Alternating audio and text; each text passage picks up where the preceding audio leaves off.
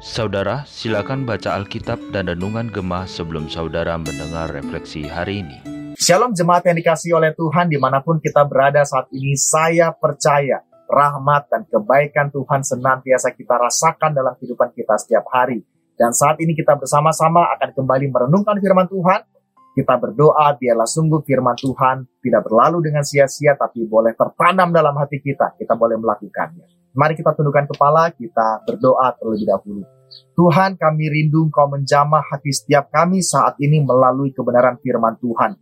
Biarlah sungguh melalui kebenaran firman Tuhan yang akan kami dengarkan boleh menolong kami menjadi anak-anak Tuhan yang boleh menjadi surat Kristus yang terbuka di mana hidup kami dapat menjadi kesaksian yang hidup di mana pun kami berada. Berbicaralah kepada setiap kami ya Tuhan karena kami siap untuk mendengar. Hanya di dalam nama Tuhan kami Yesus Kristus kami berdoa dan syukur. Amin.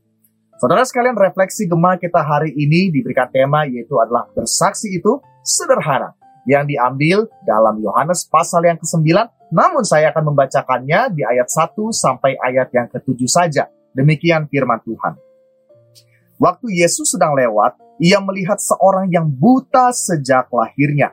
Murid-muridnya bertanya kepadanya, Rabi, siapakah yang berbuat dosa? Orang ini sendiri atau orang tuanya sehingga ia dilahirkan buta? Jawab Yesus, bukan dia dan bukan juga orang tuanya. Tetapi karena pekerjaan-pekerjaan Allah harus dinyatakan di dalam dia. Kita harus mengerjakan pekerjaan dia yang mengutus aku selama masih siang. Akan datang malam, di mana tidak ada seorang pun yang dapat bekerja. Selama aku di dalam dunia, akulah terang dunia. Setelah ia mengatakan semuanya itu, ia meludah ke tanah dan mengaduk ludahnya itu dengan tanah. Lalu mengoleskannya pada mata orang buta tadi dan berkata kepadanya, Pergilah, basuhlah dirimu dalam kolam Siloam. Siloam artinya yang diutus. Maka pergilah orang itu, ia membasuh dirinya lalu kembali dengan matanya sudah melek. Saudara sekalian, saya ingin bertanya kepada setiap kita saat ini. Pernahkah kita merekomendasikan sesuatu, entah itu barang atau jasa kepada orang lain tanpa memikirkan keuntungan bagi diri kita sendiri. Saudara sekalian, saya percaya di rumah kita ini saat ini mungkin sudah menjawab, oh rasanya minggu lalu, oh rasanya bulan lalu, oh rasanya tahun lalu, di mana mungkin kita merekomendasikan satu tempat yang baik sekali, yang nyaman kepada orang yang membutuhkan vaksin, karena kita sudah booster di sana atau sudah ambil vaksin di sana. Saudara sekalian, intinya yaitu adalah saya percaya setiap apa pun informasi yang baik yang kita berikan kepada orang lain, tentunya kita sudah merasakan terlebih dahulu efek yang baik dari barang atau jasa tersebut. Dan hari ini pun kita mau memikirkan tentang apa arti sesungguhnya bersaksi bagi Kristus. Bersaksi tentang Kristus kepada orang lain. Saudara sekalian, bersaksi itu tidak persis sama dengan memberitakan Injil.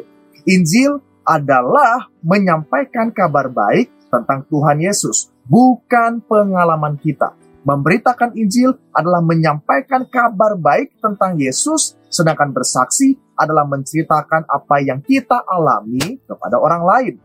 Dalam konteks Kristen, bersaksi adalah menceritakan kepada orang lain pengalaman kita tentang apa yang Tuhan telah kerjakan dalam kehidupan kita. Dan kita percaya bahwa setiap kesaksian yang kita berikan kepada orang lain itu dapat menjadi jembatan di mana Injil dapat masuk ke dalam orang tersebut, di mana Injil dapat diberitakan. Dan hari ini kita dapat melihat bahwa ada kisah di mana ada orang yang sudah buta sejak lahirnya. Saudara sekalian, kalau kita lihat Kebutaan adalah sesuatu penyakit, apalagi dari lahir, adalah sesuatu yang tidak dapat disembuhkan oleh apa pun juga. Saat ini pun dalam pengobatan modern tidak ada satupun yang dapat menyembuhkan mata yang buta, selain daripada dicangkokkan. Ini kita berbicara tentang pengobatan secara modern. Tapi bagaimana tentang masa lalu? Bagaimana orang yang buta pada masa kehidupan Tuhan Yesus? Tentunya tidak ada solusi sama sekali bagi orang yang sudah mengalami kebutaan. Saudara sekalian kita lihat pada bagian ini, orang yang buta sejak lahirnya mengalami sesuatu hal yang luar biasa dalam kehidupannya.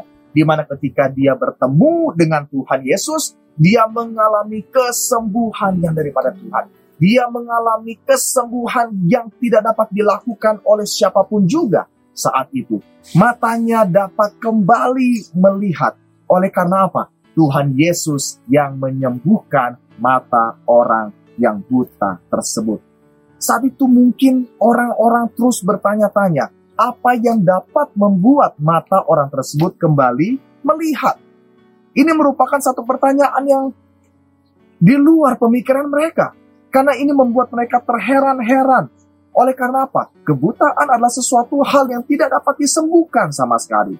Tetapi di sini orang tersebut mengalami karya mujizat Tuhan Yesus yang begitu luar biasa. Saudara sekalian, orang yang buta sejak lahir ini menceritakan pengalamannya disembuhkan oleh Tuhan. Dia bersaksi bagaimana Tuhan berkarya dengan begitu luar biasa dalam kehidupannya. Saudara saya percaya bahwa apa yang menjadi karya Tuhan dalam kehidupan kita begitu banyak sekali banyak hal yang kita sudah terima yang dapat kita saksikan karya Tuhan yang begitu banyak itu.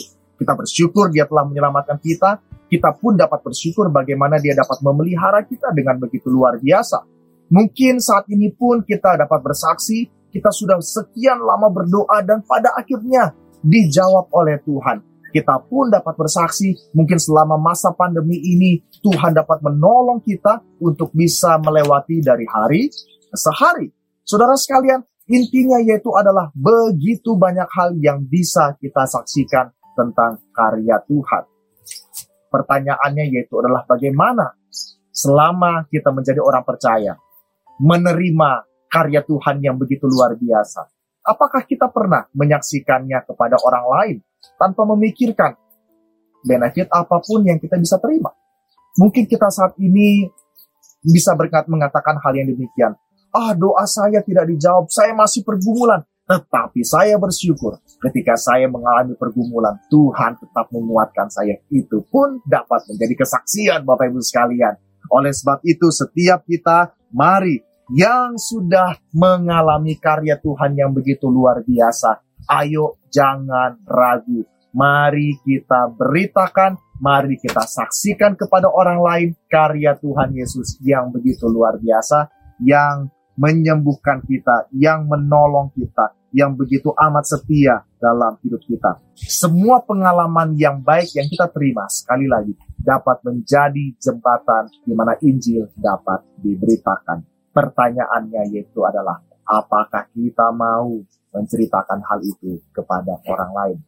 Coba pikirkan, Mungkin ada keluarga kita yang membutuhkan kesaksian tersebut. Mungkin uh, teman-teman kita membutuhkan kabar tentang kasih Allah yang luar biasa tersebut. Mungkin saat ini kita dapat menceritakannya kepada orang lain. Mari Bapak Ibu sekalian, kita tundukkan kepala, kita berdoa, kita meminta Tuhan untuk menolong kita melakukan firman Tuhan. Mari kita tundukkan kepala kita berdoa. Bapak di sorga, Tuhan tolong setiap kami Biarlah sungguh setiap hal yang baik yang sudah kami terima tidak hanya kami simpan untuk diri kami sendiri, tapi kami boleh membagikannya kepada orang lain. Karena kami pun rindu ya Tuhan, setiap orang yang mendengarkan kisah daripada kami, di mana Engkau berkarya dengan begitu luar biasa, juga dapat mengalami hal yang sama. Kami rindu setiap orang ya Tuhan yang telah mendengarkan berita tersebut, juga uh, dapat mendengarkan Injil yang dapat mereka terima untuk mengubahkan mereka, untuk menyelamatkan mereka. Tuhan tolong setiap kami. Hanya di dalam nama Tuhan kami Yesus Kristus kami berdoa bersyukur. Amin. Tuhan memberkati setiap kita and have a nice day.